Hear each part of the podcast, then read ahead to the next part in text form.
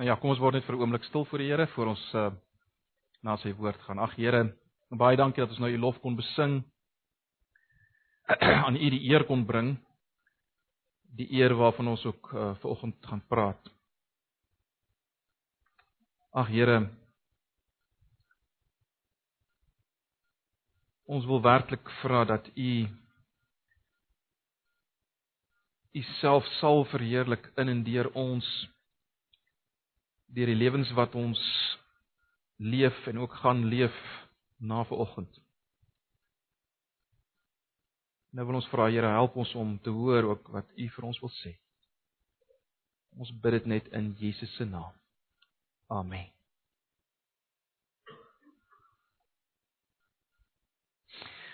Volgens wil ek hê ons bly na 1 Konings 18. Jy sal weet ons is ons is nie op die oomblik besig uh met uh, Romeine die sistematiese studie nie. Ons dit het onderbreek om te kyk na die uh, sogenaamde 5 solas, die 5 wekroepe van die reformatie en vanoggend kom ons by die laaste een.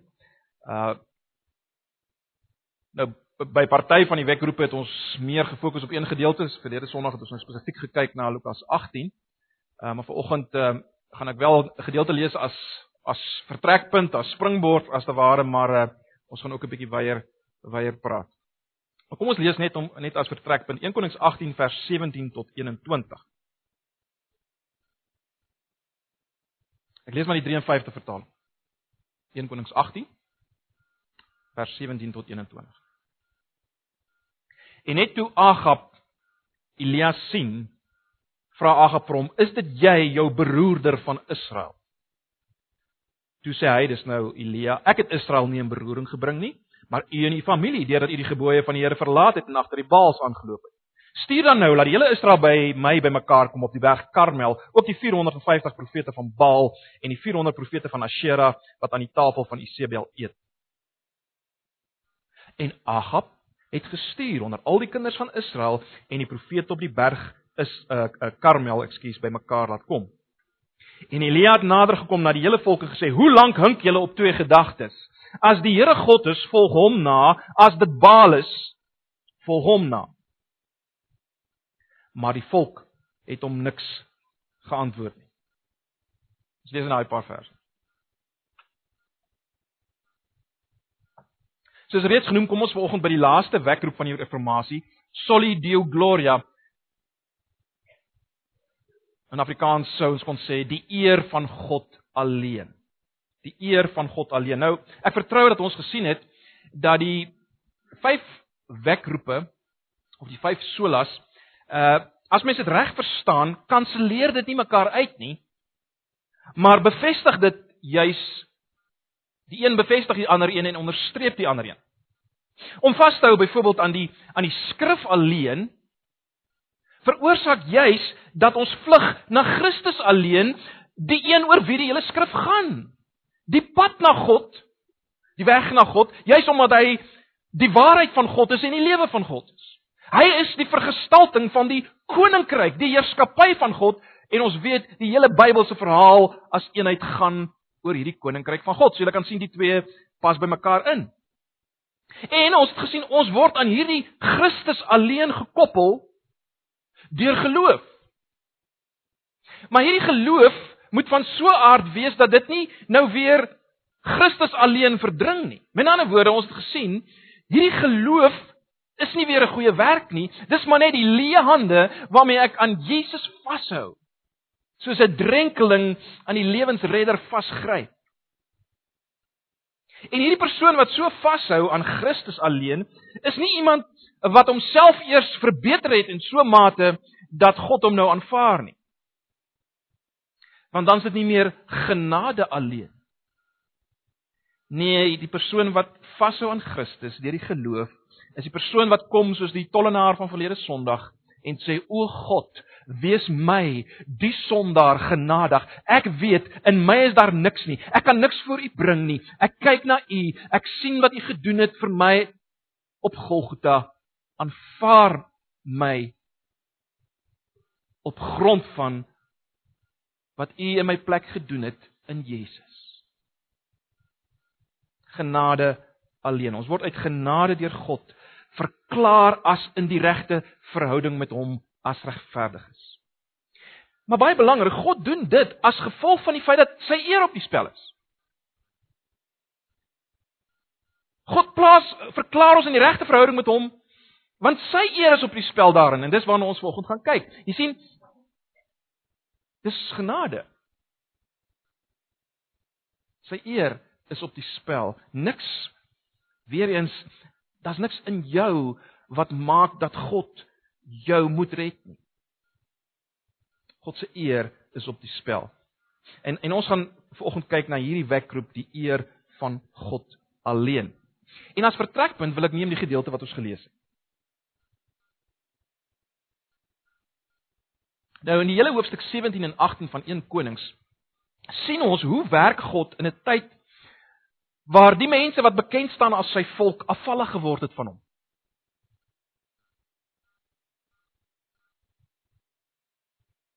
Hom nie meer eer soos hulle hom moet eer nie. En wat ons duidelik sien in daai hoofstukke is dat God gebruik 'n mens om sy eer te herstel. In hierdie geval natuurlik die profeet Elia. Nou by Krit en by Sarfat, julle julle ken die verhaal van Elia, ons is nie tyd om nou alles eh, daarop alles in te gaan nie. By Krit en by Sarfat het Elia geleer dat dit gaan oor die eer van God alleen. En Elia het geleer dat hy totaal en al afhanklik is van God alleen. En nou vat God hierdie man Elia vat hy na Karmel, die berg Karmel om sy eer te herstel. In vers 1 van Hoofstuk 18, uh ons het nou nie dit gelees nie. sien ons hoe die die woord van die Here weer na Elia gekom het en vir hom gesê het hy moet hom hy, hy moet hom gaan vertoon aan aan Agab. Nou op hierdie stadium het dit alreeds vir 3 jaar en 6 maande nie gereën nie. Dis wat Elia gesê het gaan gebeur en en en en is dit die toestande is haglik en nou in hierdie haglike toestande moes Elia wat gesê het dit gaan hierheen nie moes hy na Agab gaan die een wat die profete doodgemaak het. Hy het baie goed geweet na wie hy gaan. En jy sal sien hoe spreek Agab Elia aan in die gedeelte wat ons gelees het. in vers 17, né? Broeder van Israel. Dis hoe Agab vir Elia aanspreek. Dit is baie tipies natuurlik van uh van die mense in die algemeen, nee, hy, hy pak altyd die skuld op iemand anders. Uh, Agab vergeet heeltemal uh dat Elia die mondstuk is van die Here en dat dit eintlik as gevolg van hom Agab en die volk is dat hulle in hierdie toestand is. Maar hy pak die skuld op Elia. Hy sê as dit ware vir Elia, dis jy wat hierdie droogte veroorsaak het. Maar goed, die belangrike punt is wat ons moet sien is dat Agab noem Elia die beroerder van Israel. Dit is baie interessant die inleiding van die die pauslike bil uh dis die dokument waarmee Paus Leo die 10de vir vir uh, Luther geëkskommunikeer het.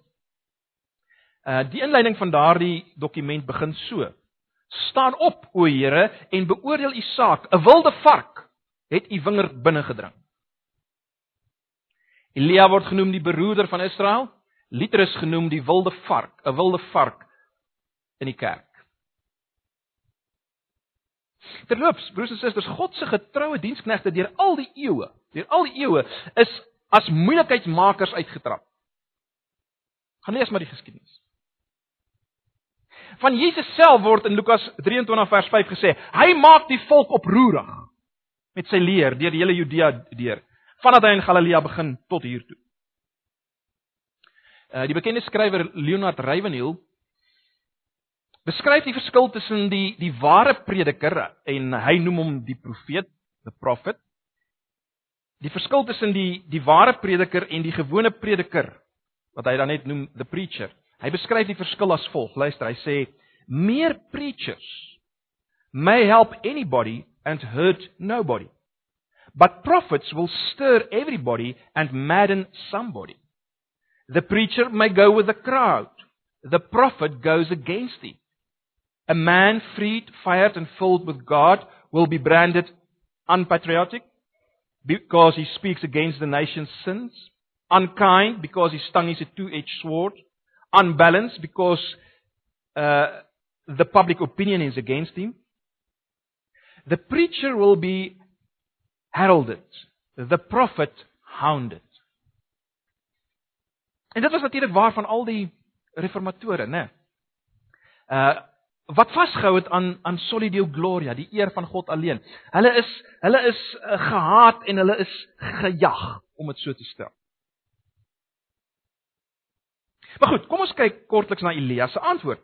Elia sê uh, in 'n antwoord op uh Agab se beskuldiging dat hy die beroerder van Israel is, sê Elia: "Ek het Israel nie in beroering gebring nie, maar u en die familie, deurdat u die gebooie van die Here verlaat het en agter die Baals aangeloop het. Stuur dan nou dat die hele Israel by my bymekaar kom op die berg Karmel, ook die 450 profete van Baal en die 400 profete van Ashera wat aan die tafel van Isebel eet."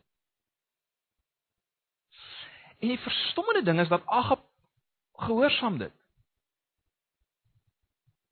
Nou, dit is verstommend. Hy is die koning. Hy het al die ander ouens met die klap van 'n vinger doodgemaak en hy gehoorsaam vir Elia. Dis verstommend, is dit nie? Is dit omdat hy bang was vir Elia? Omdat hy raadloos was? Wel nee, ek dink die antwoord moet gesien word in 'n gedeelte soos Spreuke 21 vers 1 wat sê die koning se hart is in die hand van die Here, soos waterstrome lei hy dit waarheen hy wil. Oor en oor lees ons in die Ou Testament dat God konings se harte aanraak en dat hulle uiteindelik doen wat hy wil vir sy eer. En wat ons hier sien is dat Elia in vers 21 kom nou na die volk en hy stel die volk voor 'n keuse. Hy sê vir hulle: "Hoe lank hink julle op twee gedagtes?" Letterlik, hoe lank hou julle aan om heen en weer te spring. As die Here God is, volg hom, as dit Baal is, wel, volg hom dan. Nou, natuurlik was daar nie 'n as in Elia se se denke nie. Hy het nie getwyfel daaraan dat die Here God is nie, maar hy wou gehad het dat die, die, die mense voor hom moes die absurditeit van hulle eie posisie raak sien. Daarom stel hy hulle voor hierdie keuse. Maar miskien vra jy, hoekom so 'n drastiese besluit? Moes Elia nie maar bly wees as die ouens darm nog die Here Jahwe tussenin aanbid het nie. En dit is presies natuurlik wat gebeur het, né? Die volk het die Baalfeeste bygewoon en hulle het afgode gehad van Baal en Asherah in hulle huise en dan het hulle ook klein afgodetjies van Jahwe gehad, die ware God. Dit dit was die letterlike toestand.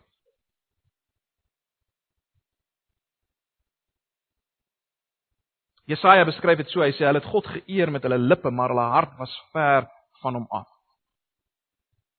Maar baie belangrik, broers en susters, wat ons raak sien hier en en en en dit dit is steeds so, God is nie maar dankbaar om het, om dit so te stel dat die mense darm nog 'n bietjie tyd aan hom spandeer nie. Ek meen da hy is darm nog daar in die vorm van die klein afgoetjies.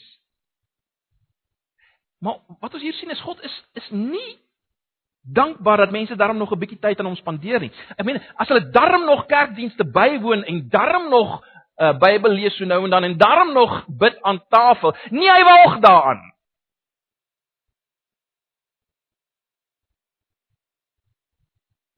Hy eis onverdeelde trou. Hy soek 'n definitiewe keuse. En dis wat ons hier sien. Baie belangrik. Ons moet weet dat ten diepste eintlik moes die volk hier kies tussen om ons terme te gebruik 'n godgesentreerde godsdiens en 'n mensgesentreerde godsdiens. Of as jy wil, 'n godsdiens waaroor dit gaan oor God se eer en 'n godsdiens waarin dit gaan oor die mens se eer. Kyk, wat was Baaldiens anders as mensgesentreerde aanbidding? Uh ons weet of dalk weet jy nie, maar dit is 'n feit dat ehm um, Baaldiens het het gepaard gegaan met met wilde vleeslike vrugbaarheidsfeeste waar jy jou eie luste kon bevredig en ja, in ruil daarvoor het Baal vir jou reën en vrugbaarheid gegee. Dit was Baaldiens. Jy kon met ander woorde Baal manipuleer vir jou behoeftes. En natuurlik was dit met die ware God totaal en al heel anders. Dit het alleen gegaan om hom en sy eer. Kom ons bring dit nader aan onsself want ons moet onthou dat Jesus loop in 'n sekere sin die pad van Elia en ons as Nuwe Testamentiese Christ, Christene is natuurlik in Jesus of Jesus is in ons deur sy Gees. Uh ons weet dat Jesus by geleentheid gesê het hy het gekom om mense voor 'n keuse te stel. By 'n ander geleentheid sê hy, julle kan nie God en Mammon dien nie.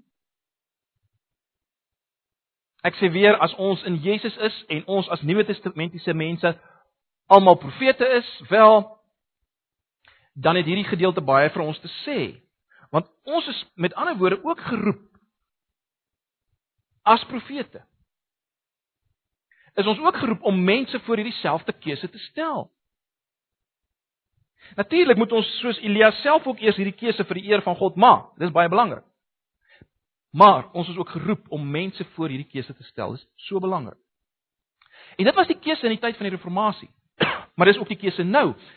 Soos nooit tevore in die broers en susters is staan ons weer voor hierdie keuse. Ons leef in 'n tyd waar 'n mens gesentreerde godsdiens absoluut die boetoon voer. As jy my net jou oë oopmaak.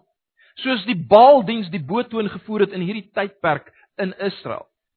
Die keuse is weer tussen 'n keuse om jouself tevrede te stel of 'n godsdiens waarin jy jouself tevrede stel en 'n godsdiens van selfverloning waar dit gaan om die eer van God. Of as jy wil, die keuse is steeds tussen liefde vir God en sy eer of liefde vir die wêreld en die eer van mense. Of tussen die wêreld se siening van verlossing en God se siening van verlossing. Dis steeds die keuse. Maar ek wil hê ons moet 'n bietjie verder vat, want jy sien hierdie twee benaderinge, die die die die die God-gesentreerdheid en mens-gesentreerdheid, kan in al die fasette van Christendom onderskei word. Of as jy dit anders stel, mensgesentreerdheid of dan Baalgodsdiens het in al die fasette van ons godsdiens ingesluit. En ek wil hê ons moet net na 'n paar fasette kyk vanoggend baie vinnig. Dit kan met ander woorde wees dat jy vanoggend in die posisie is van die volk dat jy 'n keuse moet maak. Vir of die een of die ander een. En as jy reeds 'n keuse gemaak het wel, dan is jy in die posisie waar jy ander voor hierdie keuse moet stel as Nuwe Testamentiese profeet wat elke Christen is. Kom ons kyk net na 'n paar fasette. Kom ons kyk na 'n paar fasette. Die eerste een wat ek wil noem is kom ons moet berou en sonde besef. In 'n mensgesentreerde godsdiens of benadering is daar wel by mense berou oor sonde. Maar eintlik as jy mooi daarna gaan kyk, is hulle slegs hartseer oor die gevolge van hulle sonde. Met ander woorde, uh die ou wat te veel gedrink het, uh sal berou kry oor sy drinkery want uh hy sy familie kwyt en sy werk kwyt as gevolg daarvan en hy baie berou. Die ou wat rond rondslaap, uh voel sleg oor die feit dat uh, hy iemand swanger gemaak het, hy het berou nou daaroor. Maar jy sien hierdie tipe berou is baie baie tydelik en baie selektief. Eintlik lei hierdie berou nooit tot hartgrondige bekering nie. Dit lei net tot kortstondige emosies. Dis mensgesentreerde bekering. Jy voel eintlik net sleg oor die gevolge van wat jy verkeerd gedoen het. Dis dis waaroor jy berou het, die gevolge. God ge God gegeewe berou is totaal iets heeltemal anders. In God gegeewe berou besef jy dat my sonde is in die eerste plek teen God. My sonde is rebellie teen God wat alle reg op my lewe het. My sonde is 'n verwerping van God. My sonde is 'n vertrapping van die bloed van Jesus. Daarom het ek berou. En daarom is die gebed van my hart, die kreet van my hart, Psalm 51 vers 16: U en U alleen het ek gesondig. En hand aan hand daarmee die versigtiging uh die smeekgebed wat ons ook kry in Psalm 51. O God, skep vir my 'n rein hart. Jy sien as 'n wêreldse verskil tussen die twee. Dis 'n mensgesentreerde berou en God-gesentreerde berou of sondebesef en berou. Dit bring ons by bekering. Mensgesentreerde bekering behels dat ek 'n nuwe blaadjie oomslaan, verseker. Ek gaan 'n nuwe blaadjie oomslaan. Ek gaan myself 'n bietjie regruk sodat ek dan 'n bietjie beter kan lyk. Ek sal self so ver gaan om Jesus te nooi om in my hart te kom want ek wil darm nie hel toe gaan nie. Solank Jesus net nie vir my wil kom voorsê hoe ek my alledaagse lewe moet inrig nie. Jy sien ek is ek is bereid om Jesus as my verlosser te aanvaar, maar hy mag nie my koning wees nie. Ek meen net nou, net nou sê hy vir my om my ou lewe, my sondige plesiere, my verkeerde vriende te los en dit wil ek nie, dit is nie lekker nie. Ek wil nie dit doen nie en hy's ten minste nie so belangrik nie. Hy's nie so belangrik nie.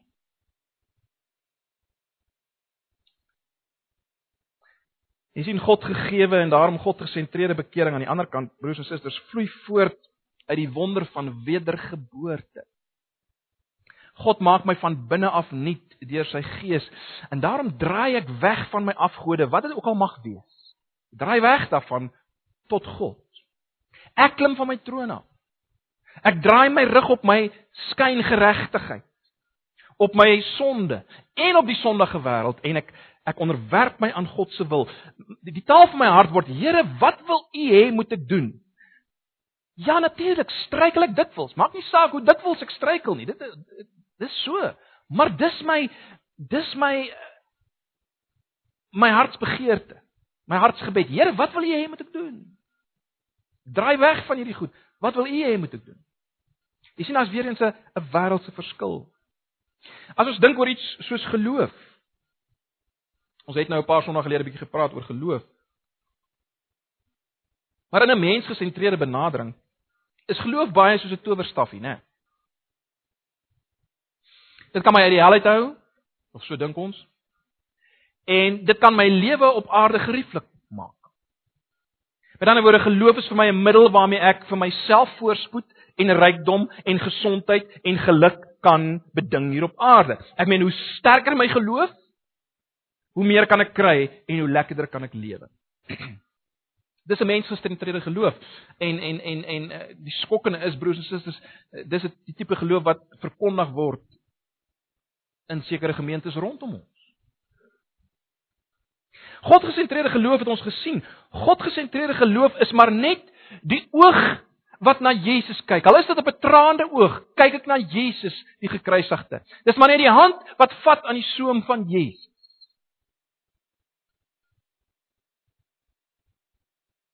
En dis my hele Christelike lewe so. Ek kyk na Jesus. Na Jesus as die een wat alles is wat ek nodig het vir verlossing en lewe.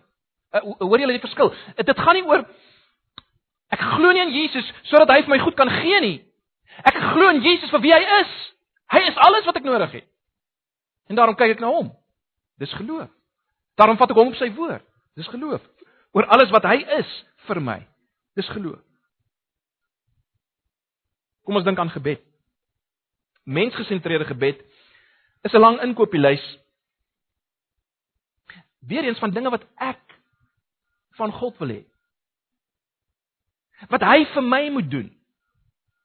En daar's allerlei tegnieke, as te ware gebedstegnieke wat ek gebruik amper om om God te dwing in hierdie posisie waar hy aan my versoeke moet voldoen. Jy sien in mensgestentreerde gebed is daar min plek vir vir verlofprysing aan God. Uit 'n egte hart. Daar's min plek vir skuldbelydenis. Daar's selfs min plek vir voorbidding behalwe miskien as ek voordeel kan kry uit die saak en as mense beter van my kan dink as ek darm vir ou Piet bid, dan dink hulle weer beter oor my en nou ek weer meer gewild en so aan. Maar dis bitter min daarvan. Aan die ander kant, God-gesentreerde gebed, die God-gesentreerde bidder besef ek het geen grond om vir God te staan nie. Ek staan voor God op grond van Jesus se verdienste in my plek. Dit maak dit ek vrymoedig het, het ja wonderlik om te gaan na sy genade troon, maar steeds met ontzag vir sy vir wie hy is sy heiligheid en sy almag. Met ander woorde, ek is nie so familier soos dikwels in die geval is by mensgesentreerde gebed nie. Maar baie belangrik, die groot punt is dit. In God-gesentreerde gebed gaan dit oor dit wat Jesus leer in die sogenaamde Onse Vader. Here, laat U naam verheerlik word, laat U koninkryk kom, laat U wil geskied. En ja, selfs as ek bid, gee my vandag my daaglikse brood, is dit sodat u naam beter verheerlik kan word. die koninkryk meer gestalte kan vind. U wil meer kan geskied ook in en deur my. Dis waar dit gaan, die koninkryk van God. En ek weet dat hy juis daarom nie al my gebede gaan beantwoord soos ek dit wil hê nie. Want dit gaan nie ten diepste oor my nie. Dit gaan oor sy koninkryk. En ek weet, ja ek weet, hy sal vir my gee wat ek nodig het om sy koninkryk te dien. En dit kan ek van hom vra. Maar jy sien daar's daar's 'n reuse verskil. Daar's 'n reuse verskil. Kom ons dink aan heiligmaking.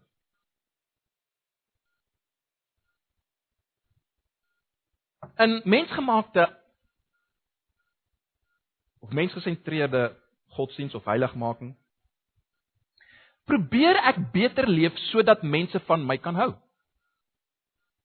Ek probeer minder openlike sondes doen sodat ander gelowiges daarin my vordering raak sien. Maar van binne verlang ek nog steeds na die ou lewe van Sodom amper soos Lot se vrou.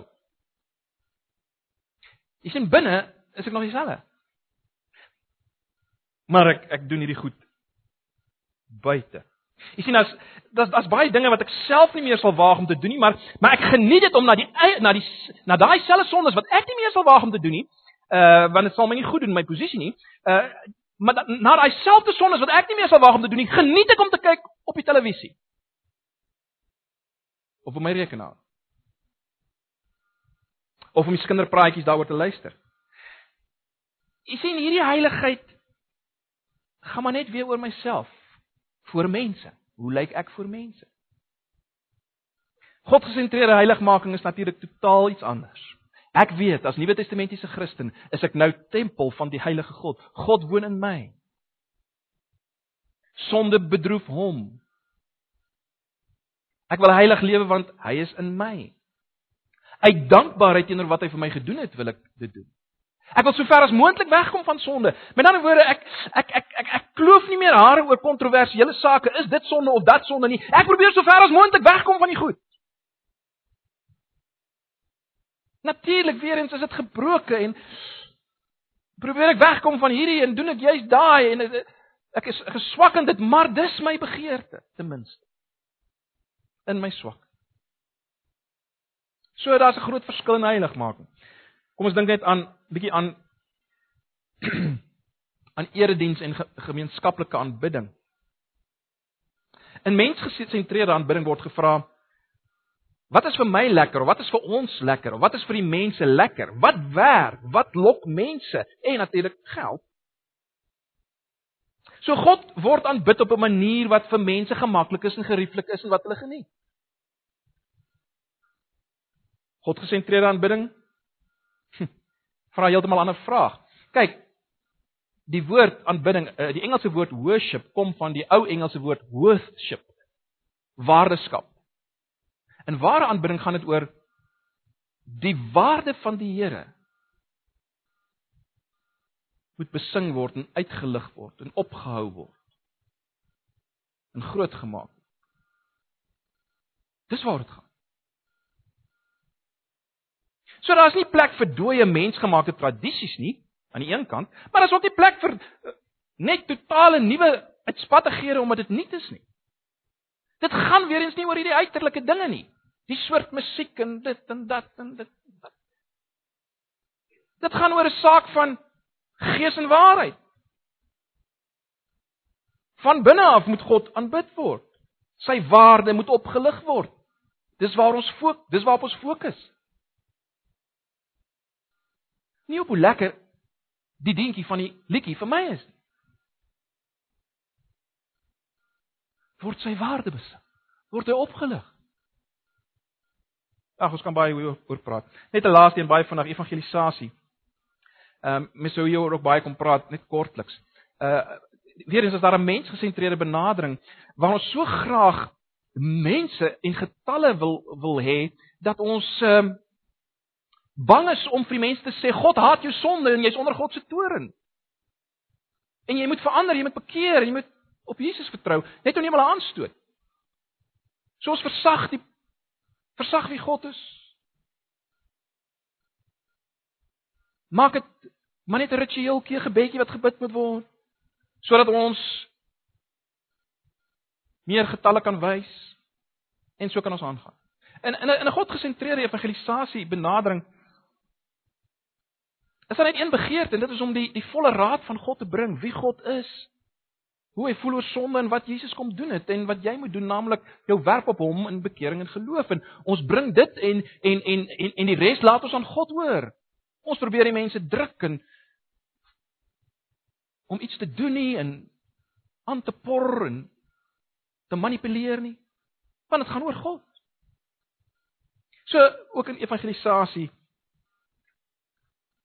sou mens hierdie verskil kon uitlig. En ag broers en susters, daar's nog baie fasette waarna ons kon kyk vanoggend. Maar maar ek hoop julle sien iets van wat ek probeer sê, die verskil tussen die eer van God alleen en die eer van mense. Daar's 'n reuse verskil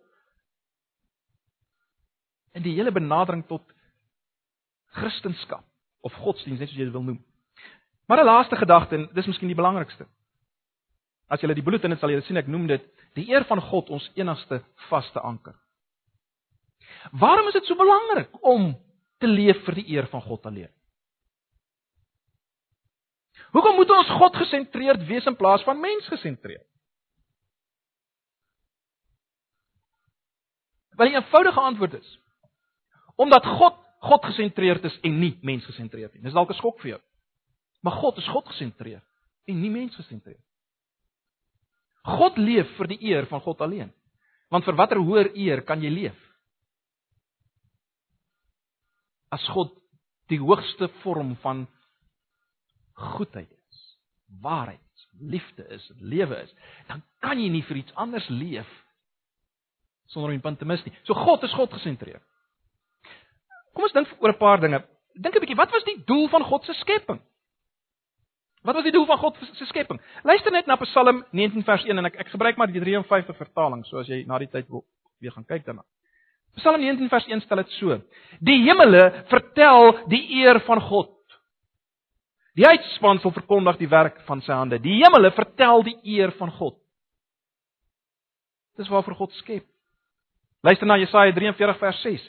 Ek sal sê aan die noorde gee en aan aan die suide hou nie terug nie. Bring my seuns van ver en my dogters van die einde van die aarde af. Elkeen wat na my naam genoem is en wat ek geskape het tot my eer wat ek geformeer wat ek ook gemaak het.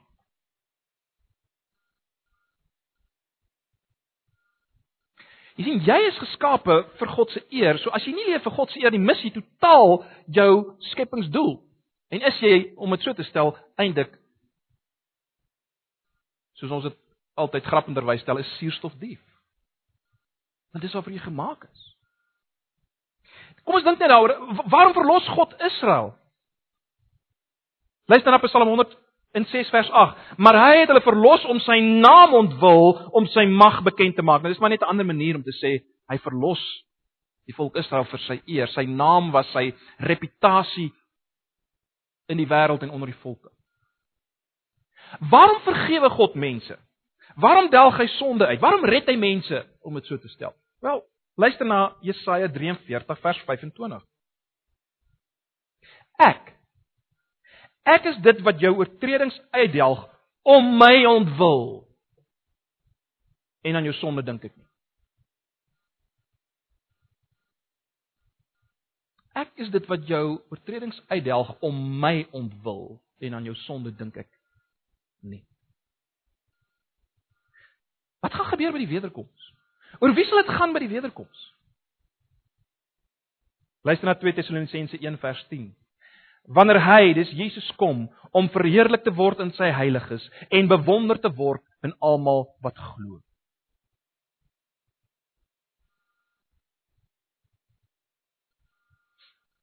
Oor wie gaan dit? Oor wie gaan dit? Jy sien, God het die skepping en die verlossing wat weer ten doel het om die skepping te herstel, het hy beplan vir sy eer, sy reputasie. En daarom deel God sy eer met niemand anders nie, ook nie met jou nie, nie met my nie, nie met die wonderlikste prediker op aarde nie, nie met die reformatore nie, nie met gereformeerde teologie nie. Hy deel dit met niemand nie. Luister na Jesaja 42 vers 8. Jesaja 42 vers 8.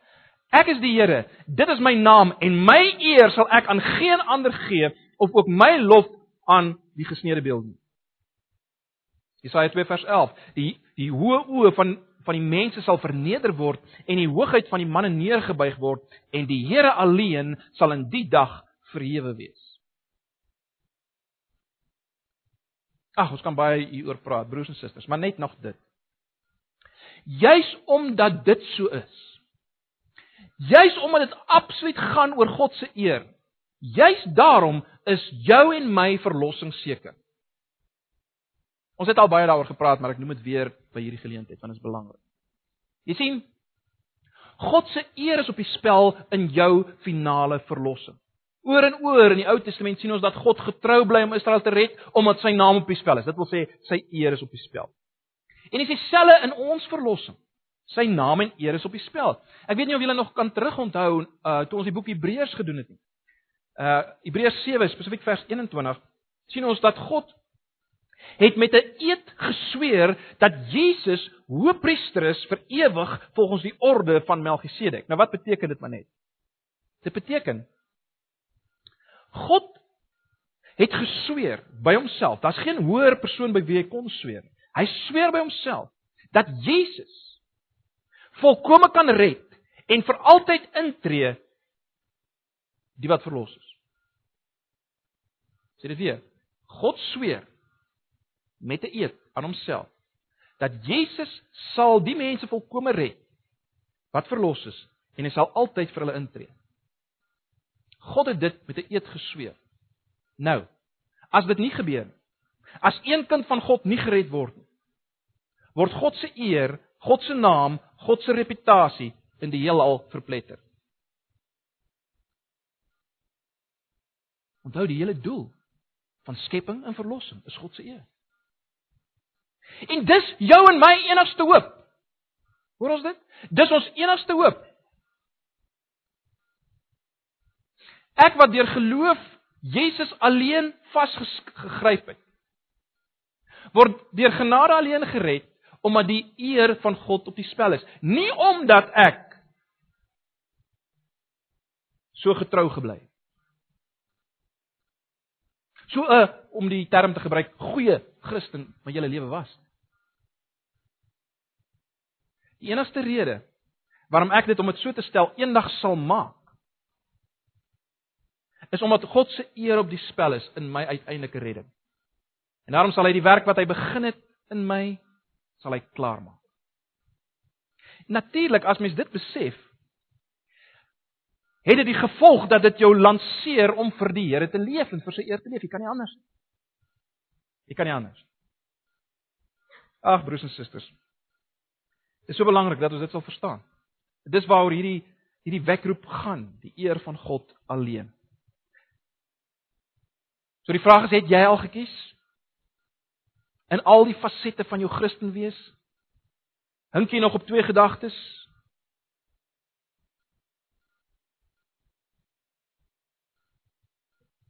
Ek wil hê jy moet die stem van die Here volgende hoor. As die Here God is, dien hom. As dit Baal is, wel, dien hom. Maak jou keuse. En baie belangrik, as jy jou keuse gemaak het, moet jy gereed wees om 'n uh, eh, om 'n broeder van Israel genoem te word, om dit so te stel. Maar maar dis die positiewe moet nooit vergeet nie. As ek en jy kies vir die eer van God alleen in alles, kies ons ook vir ons grootste vreugde in alles, want ek is dan geskep vir die eer van God. So daarom sal ek juis my eie potensiaal en my vreugde bereik as dit gaan oor die eer van God. Ek meen enige ding wat gemaak is vir 'n sekere doel bereik net sy potensiaal as hy doen dit waarvoor hy gemaak is, né? Nee. Ek meen as jy 'n 4x4 vir 'n hoenderhok gebruik, Hy gebruik hy gebruik nie sy hoogste potensiaal nie. Hy by wyse van spreuke kan hy nooit werklik gelukkig wees nie. Dis dieselfde met ons. Ag, broers en susters, my gebed is dat na ons nou na die vyf solas gekyk het dat jy omdat jy oortuig is van die betroubaarheid en die gesag van die skrif die skrif alleen dat jy juist daarom Jesus alleen sal omhels Dat jy hom sal eet en sal drink wat geloof ten diepste is. En al voel jy soos die grootste sondaar, soos die tollenaar, is my gebed dat jy jouself sal werp op hom. Dat jy nie self sal probeer om jou skuld te verlig nie, maar dat jy jou sal werp op sy genade alleen. Die genade wat daar is op grond van wat Jesus alleen gedoen het. Dis my gebed dat jy dit sal doen. En as jy dit doen, dat jy sal weet God alleen word geëer. God alleen word geëer. En ag my gebed is dat ons almal in alles wat ons as Christene doen, sal wys dat ons grootste vreugde lê daarin dat God geëer word in alles. En dit dat ons dit sal doen juis omdat ons weet, broers en susters, dat ons ons sal uiteindelik in volle heerlikheid saam met hom wees juis omdat sy eer op die spel. Dit gaan oor sy eer. Soli Deo Gloria. Dis die wekroep van die reformatie. Mag die Here ons help om te leef in die lig daarvan, ons te verheug daaroor totdat hy kom en tot in alle ewigheid. Amen.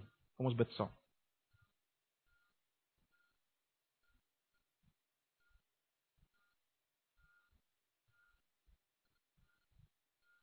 Ag Here, ons wil vir die, ons wil vir U dankie sê vir oggend dat dat ons kan weet en dat juist die reformatie ook deur die gebruikers om dit weer onder ons aandag te bring dat ons hier op aarde is vir u eer en u eer alleen. Here bewaar ons van al die afdraaipaaie, bewaar ons van al die stemme wat anders wat ons anders probeer leer, wat ons anders probeer voorsê. Dat vir ons heeltyd wil wys maak dit gaan eintlik oor jou. En ons weet juis in die proses mis ons eintlik ons skepingsdoel, ons vreugde, ons vrugbaarheid, sin, betekenis. Ag Here, help ons om hierdie waarheid en hierdie wekroep te omhels met alles wat in ons is. Ons vra dit in Jesus se naam. Amen.